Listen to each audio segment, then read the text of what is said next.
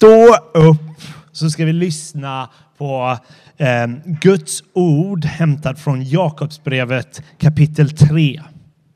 Så här lyder Herrens ord. Mina syskon, inte många av er ska bli lärare, för ni vet ju att vi ska granska strängare. Alla gör vi fel på många sätt. Om någon lyckas med att inte fela i sitt tal är han fullkomlig och har också kontroll över sin kropp. Genom att lägga ett betsel i munnen på en häst kan vi få den att lyda oss och, och, styr, eh, oss och styr då hela djuret. Och tänk på fartyg. Med ett litet eh, rodder kan styrmannen få ett stort fartyg att åka precis dit han vill, även om vindarna är starka. På samma sätt är det med tungan. Det är en liten del av kroppen, men den kan skryta över stora ting.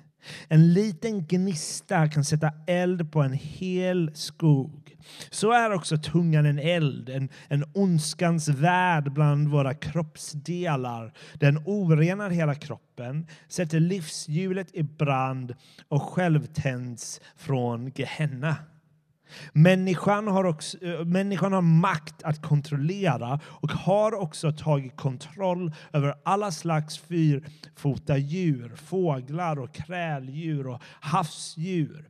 Men sin egen tunga kan ingen människa få kontroll över. Den är orolig, ond och full av dödligt gift. Men den hyllar eh, vi vår Herre och Fader och med den förbannar vi människorna som Gud har skapat till att vara lika honom. Ur samma mun kommer både välsignelse och förbannelse. Så får det inte vara. Samma källa kan väl inte ge både sötvatten och bittert vatten. Mina syskon, skulle oliver växa på fikonträd eller fikon på vinrankor eller en saltkälla ge sötvatten? Om någon bland er är vis och insiktsfull ska han gå före med gott exempel och visa detta i praktisk handling, i vishet, utan att framhäva sig själv. Så lyder Herrens ord.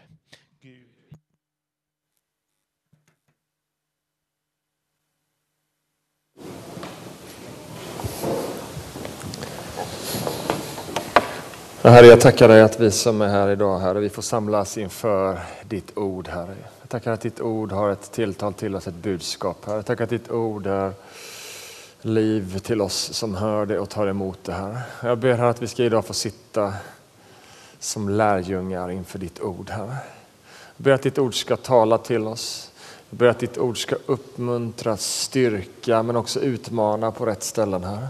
Så att vi byggs upp i vår tro till att tjäna dig och följa dig, men också till att blomstra i detta liv som du har skapat oss till, Herre. Så att vi inte får leva förminskade liv utan får blomstra i allt det som du har för oss, Herre. I Jesu Kristi namn. Amen. Gott att du är här idag den här söndagen för att fira gudstjänst och för att lyssna till Guds ord. Det kändes som att hela församlingen gick ut till barnkyrkan. nu är ordningen lite återställd. Det är underbart. Gott. Jag faciliterar ibland workshops, möten med ledningsgrupper och personalgrupper och sådana här saker. Och då brukar jag eh, ganska ofta använda olika övningar för att illustrera poänger och för att komma fram till olika saker. Och i en övning som jag har eh, så får gruppen pröva på kraften i våra ord.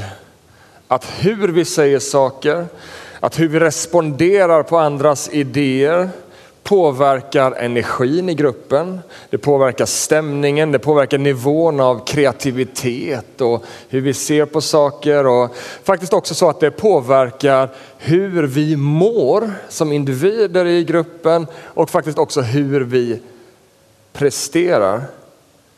Så jag har en väldigt, väldigt enkel övning och det är egentligen ut på att någon kastar ut idéer till gruppen. Ska vi göra det här? Ska vi göra det här? Det här ska vi, ska vi göra det här? Och gruppen konsekvent reagerar negativt. Nej, nej, jag vill inte. Nej, vilken dålig idé. Nej, nej. Men så ändrar vi övningen. Och gruppen responderar positivt på idéerna. De börjar samskapa, börjar bidra, börjar addera till andras idéer. Så även om man inte håller med om förslaget som kastas ut, så ja, men vilken intressant tanke. Det får mig att tänka, ska vi göra så här istället? Och hela, varenda gång så blir, märker man så tydligt, det är som två olika energier, två olika atmosfärer i gruppen. Och man ser på människors ansikten, man ser på deras kroppsspråk. Att när allt bara var neggo så är det så här. Och sen helt plötsligt så ser man det finns, det finns en, en glädje och en energi. Vad beror det på? Därför att vi med våran mun besitter en kraft att skapa. Att skapa känsla, vi kan skapa kultur, vi kan forma kultur och atmosfär och faktiskt också kan vi med våran tunga skapa liv.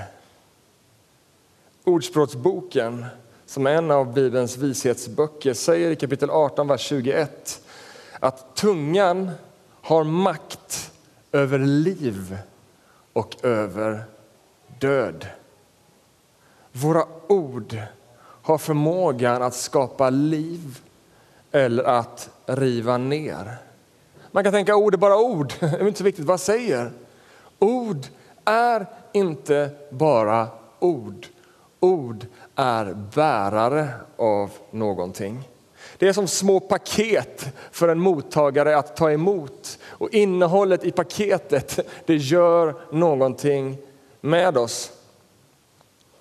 Och vi ska inte då, man kan lätt börja tänka, åh jag vågar inte öppna min mun. Och det, lite är väl det Jakob säger, att vi ska tala mindre och lyssna mer. Men vi ska inte idag liksom, eh, tala om att liksom, du behöver väga varenda ord på guldvåg.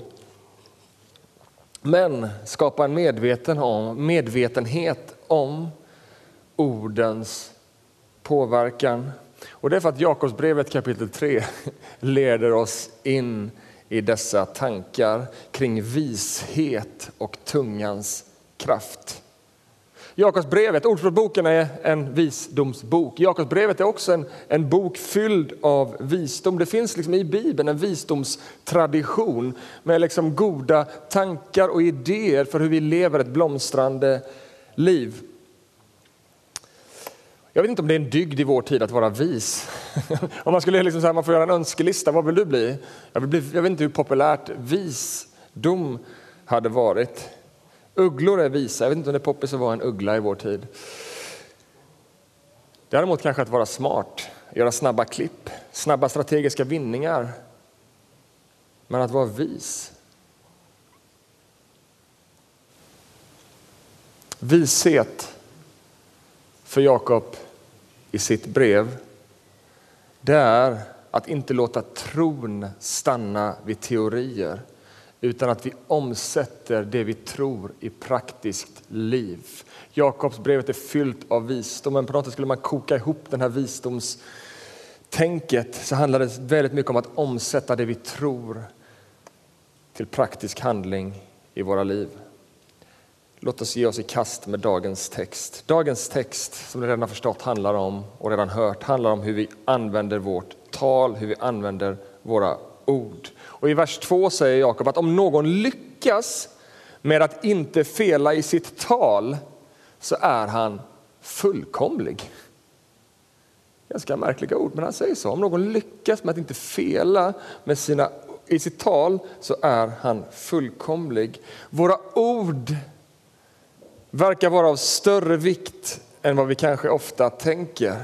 Och redan i Jakobs brev kapitel 1 så har han redan utmanat oss kring det här med talet att vara goda lyssnare. Tala mindre, lyssna mer. Och i kapitel 2, vers 14 säger han, vad är det för nytta med att säga, prata, ord, att man har tro om man inte omsätter det i praktisk handling. Jakob utmanar oss att tala mindre och leva mer. Eller kanske snarare just detta att våra liv går i linje med det vi säger.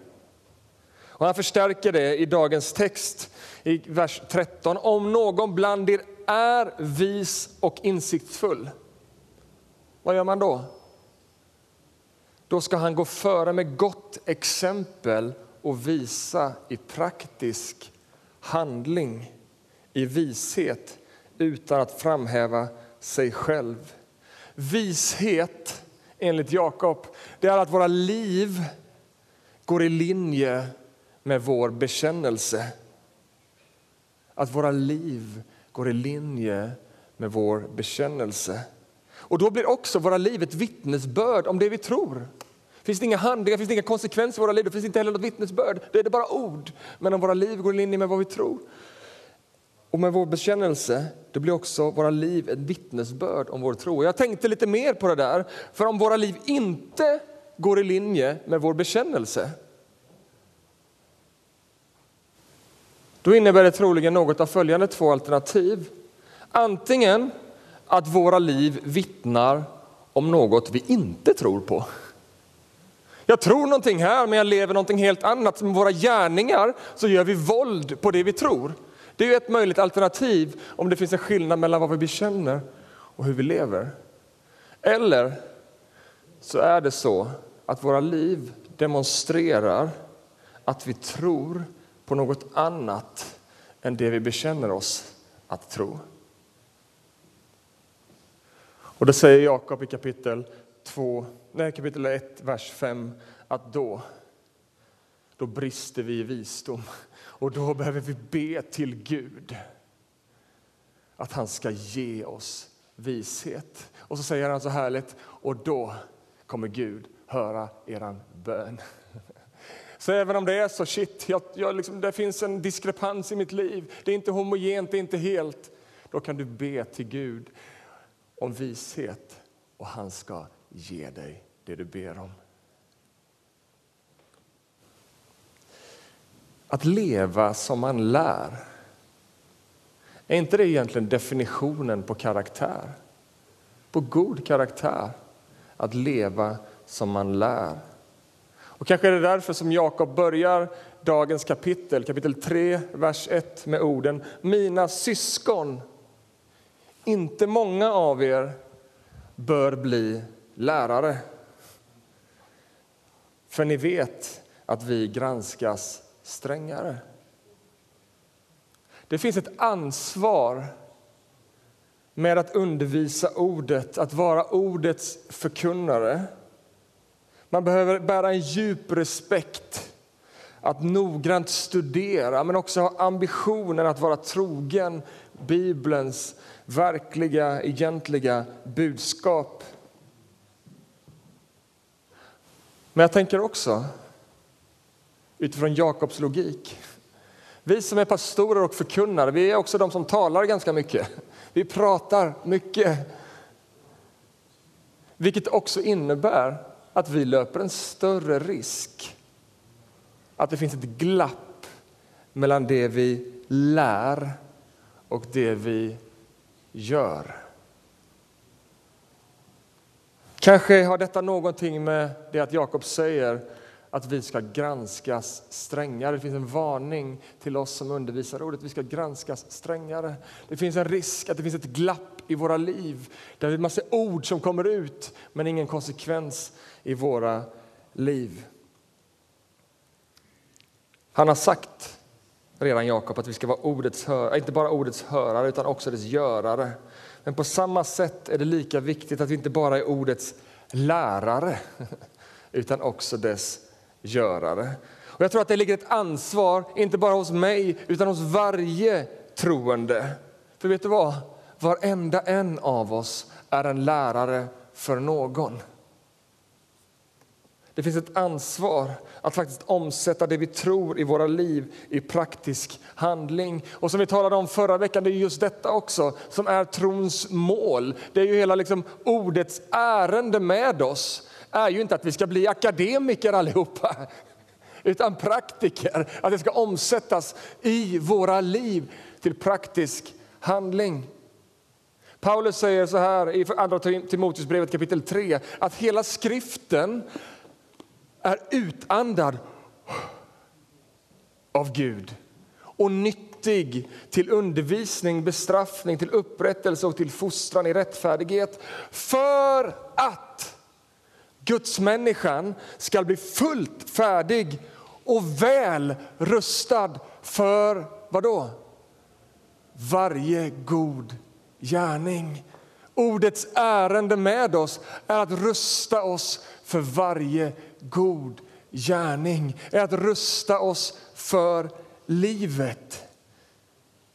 Att vara vis och insiktsfull enligt Jakob det är att inte bara prata om ordet utan att låta ordet göra oss väl rustade för varje god gärning. Och jag tänker så här, om Jakob hade varit ifrån England så hade han sagt till oss att inte bara talk the talk but also to walk the talk. Walk the talk.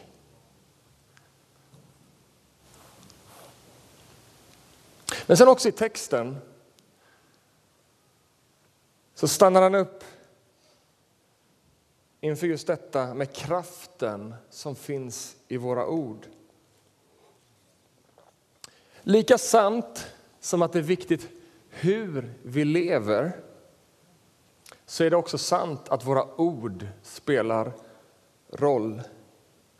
Och då tänker jag inte bara det här att våra ord är i linje med våra liv som är viktigt och har med trovärdighet att göra. Det är viktigt.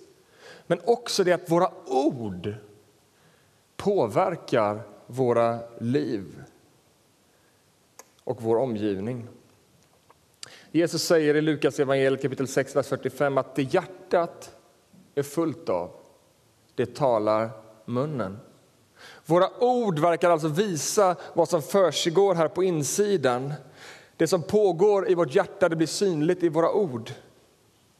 Men Jakob i sitt brev han visar också att det finns en omvänd verkan. Så det finns någonting som liksom att våra hjärtan visar vad som liksom, våra ord visar vad som finns i hjärtat. Men Jakob visar på en omvänd verkan. Han säger så här att när vi lägger betsel i munnen på en häst för att han ska lyda oss, då styr vi också hela hans kropp.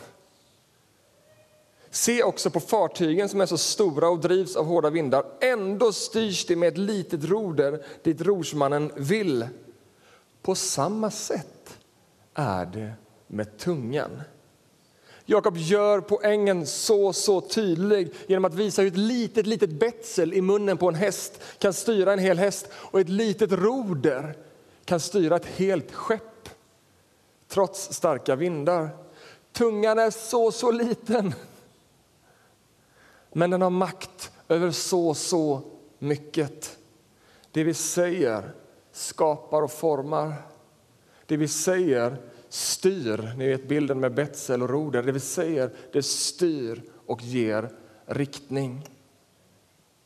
Kanske därför som Jakob säger att den som inte felar med sitt tal, han har kontroll över hela sin kropp.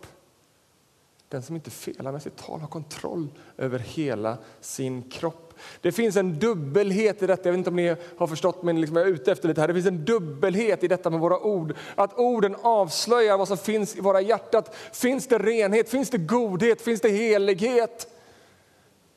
Så det är det som kommer ut ur vår mun. Men dubbelheten innebär också att orden vi säger påverkar oss, påverkar vårt hjärta, påverkar andra. Så därför är det så viktigt att tala ut Guds sanningar över oss själva och över andra, därför att det påverkar. Talar vi istället ut osanning och negativitet och talar vi om andra människor på ett sätt som inte är i linje med Guds ord så kommer det att påverka oss och andra. Återigen, jag vill bara säga, det handlar inte om att väga sina ord på guldvåg liksom på det sättet. Men det handlar om att våra tal allt mer får komma i linje med vår tro. Det finns ett visdomsmönster som genomgår hela Jakobs undervisning i kapitel 1. Att vi gör så som vi hör. Kapitel 2. Att vi lever så som vi tror. Kapitel 3 är att våra tal allt mer får komma i linje med vår tro. Det här är uppbyggligt, mina vänner. Ni kanske tyckte vilken text vi läser, den är märklig och vad är det här för predikan? Det finns alltså visdom. Vi vill gärna ha snabba klipp, vi vill ha de här smarta grejerna, vi vill vara de smarta som liksom bara kommer över snabba vinningar. Bibeln är inte så mycket ute efter smarta, snabba klipp. Därför att det försvinner lika fort som det kom. Det Bibeln är ute efter att bygga i våra liv, det är visdom. Det är en andens gåva. Det är något som Gud vill göra, i oss, att bygga visdom. Det är något som byggs över tid. Det här är ingenting som bara händer, men nu ska jag liksom leva som jag tror och jag ska eh, göra som jag hör och jag ska tala. Alltså det är någonting som byggs över tid.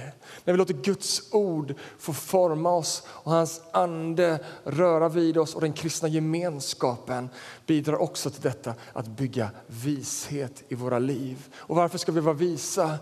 Jo, därför att då lever vi så som Gud har skapat oss för att leva. Och vad är hans tanke för oss? Jo, hans tankar för oss är långt mycket högre, långt mycket bättre än vad vi någonsin kan tänka. Det innebär blomstrande för dig och mig, det innebär glädje för dig och mig, det innebär frihet från synden som så hårt vill snärja oss. Så det här är gott. Jag, vill bara, jag, liksom, jag håller på att boosta min egen predikan här. Att du ska fatta att det här är viktiga grejer, att det här är bra saker som Jakob har att ge till oss. Jakob talar om ett homogent liv. Att leva ett liv som håller ihop, där vi ställer hela våra liv i linje med Guds goda vision för oss. Varför är detta med talet så viktigt? Det är ju bara ord. Vi har redan citerat Ordboken 18. Tungan har makt över död och liv.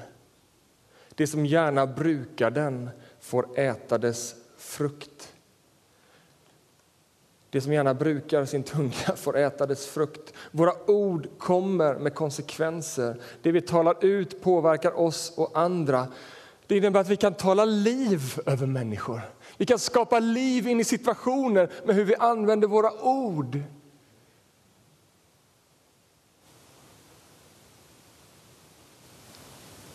Wow! Tänk att få vara den som talar liv. På din arbetsplats när det bara snackas negativt och snackas skit eller vad det är. Tänk att bara få komma in och bara tala liv. Bara förändra atmosfären.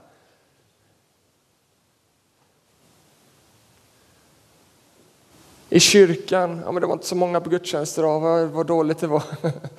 bara, tänk att vi var här idag. Tänk att jag fick sitta och ta emot ifrån himmelen idag. Att bara vara den som talar liv.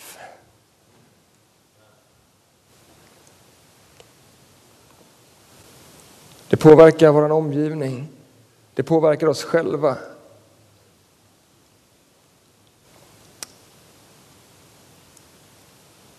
Jakob fortsätter i vers 2 kapitel 5 att säga att tungan är en liten gnista som kan sätta eld på en hel skog. Vilka eldar vill vi tända? Negativa ord, orena ord bränner ner, bryter ner. Goda ord, rena ord, kärleksfyllda ord, uppmuntrande ord skapar liv och bygger upp. Och han fortsätter att måla upp kraften som tungan besitter genom att visa hur fel det kan bli när vi använder våra ord på fel sätt. Tungan är som en eld en värld full av ondska bland våra lemmar. Den smutsar ner hela vår kropp och sätter hela livet i brand och den får själv sin eld ifrån Gehenna. Och när jag läser det här så är det nästan man sätter kaffet i halsen och bara, vilka kraftfulla ord.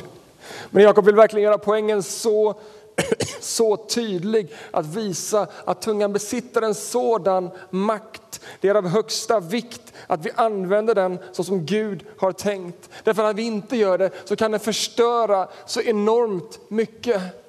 Den kan riva ner så enormt mycket. Men på samma sätt så kan den användas för att bygga upp och för att göra så, så enormt mycket gott. Ni vet Gud själv, han skapade genom att tala ut ord. Och de säger om Jesus att han talade med auktoritet. Vi är inte Gud på det sättet, men det finns en makt i våra ord att skapa liv eller att riva ner. Och lyssna nu på de här exemplen från Ordspråksboken, kapitel 15, vers 1. Ett mjukt svar stillar vrede. Men hårda ord leder till vrede. Med våra ord besitter vi en makt att skapa frid och fred. Den rättfärdiges ord, kapitel 10, den rättfärdiges ord är en källa till liv. Vi kan tala liv, tala hopp. Och lyssna nu på nästa vers. Vänliga ord är som honung. Jag vet inte om jag gillar honung. Jag tycker honung gott. Vänliga ord är som honung, njutbara för själen. Och så kommer detta. Och helande för kroppen. Våra ord har läkande kraft. Vi kan tala liv så att det blir till helande för kroppen. Det finns en makt i vår tunga att tala liv. Och då talar jag inte bara om att vi kan tala ut helande, ni vet andens gåva, vad hela det är Jesu namn. Det finns också i våra ord när liksom vi får, får tala tro in i människors liv så att det finns, blir till helande. Men det finns också en naturlig grej, en naturlighet. Att ord som är rättfärdiga, som är milda, det är som honung, som balsam för vår själ och det blir till helande till ande, själ och kropp. Tänk vilken förmån att få låta våra ord reflektera något av Guds godhet. Att våra ord får skapa, att med, vi med våra ord får skapa lite mer himmel här och nu. Jakob säger till oss hur vi lever spelar roll. Vi har hört det nu i två, tre söndagar bakåt. Hur vi lever spelar roll. Men han säger också att hur vi talar spelar roll. Och jag tänker på det ofta i hemmet. Jag har inget praktexemplar på det, jag kan liksom säga både det ena och det andra. Men det spelar faktiskt roll. Vad är det för någonting vi talar ut i vårt hem om vi nu lever tillsammans med partner och barn eller sådär? Vad är det för, vad är det för ord som formar kultur och atmosfär i vårt hem? Vad är det för ord? Gud, jag behöver vishet. Jag behöver din godhet och din nåd och kärlek att drabba mig så att mitt hem får formas av goda ord, av läkande ord, av helande ord. Och så kan vi tänka om våra relationer, arbetsplatser. Till sist, med den tungan välsignar vi Herren och Fadern och med den förbannar vi människor som är skapade till Guds avbild. Från samma mun kommer välsignelse och förbannelse. Så får det inte vara, mina syskon. Så får det inte vara. Varför? Därför att det handlar om vårt hjärta. Det handlar om vår trovärdighet, vår trovärdighet mot vår nya skapelse. Du har fått en ny natur. Det är dags att vi lever trovärdigt vår nya natur i hur vi gör, och hur vi lever, men också hur vi talar. Så att vi är trovärdiga inför oss själva och det som Gud har gett oss och lagt ner i oss. Men också så att vi är trovärdiga utåt. När våra ord är i linje med vår nya natur så är också vårt hjärta i linje med vår nya skapelse i Kristus. Det hänger ihop. Det är som att Jakobs tilltal i hela sitt brev är Hallå, det hänger ihop! Det är inte olika saker. Du är en människa, du är ett liv. Vad du gör, vad du säger, vad du hör. Du är en människa som är skapad att reflektera vem Gud är.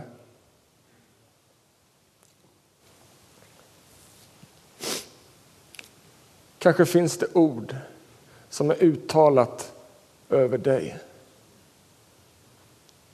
Kanske finns det ord som är sagda över ditt liv två dagar tillbaka, tre år tillbaka, 30 år tillbaka, 40 år tillbaka. Ord som har talats ut över dig, som har begränsat dig, som har hållit dig tillbaka. Gud kan bryta varje boja och lögn som har begränsat dig. Varenda begränsning som har hållit dig tillbaka. Gud kan bryta det. Ord är inte bara ord, ord har makt att begränsa, att riva ner. Men Gud, han är den som helar och upprättar och bygger upp det som har bestulits dig. Gud är här för att ge tillbaka allt det som andra människor har tagit ifrån dig. Gud är här för att ge dig tillbaka värdighet. Gud är här för att ge dig tillbaka ett sunt självförtroende, en självbild som är rotad i att Gud har skapat dig. Att du är en älskad dotter, en älskad son med potential att bli allt det som Gud har skapat dig till att bli. Så att du kan se på dig själv som dyrbar, som värdefull, som vacker, som underbar. Därför att det är så som Gud ser på dig. Ord må ha talats ut över dig, men i Jesu namn är de orden brutna över ditt liv. Omfamna vad Gud säger om dig. Låt ingenting längre begränsa dig. Guds röst vill utradera alla andra röster. Ta emot det från Gud. Och är det så att du vill söka personlig förbön så finns det möjlighet till det här efteråt. Att låta någon be för dig och få fyllas av Guds tankar över ditt liv. Amen. Herre, jag tackar dig för ditt ord, Herre. Jag, ber att ditt, jag tackar dig för att ditt ord är levande och verksamt, Herre. Jag tackar att ditt ord alltid gör det i våra liv, bara till det var sänt. Tack att ditt ord verkar i oss, tack att ditt ord bygger upp, tack att ditt ord helar. I Jesu Kristi namn. Amen.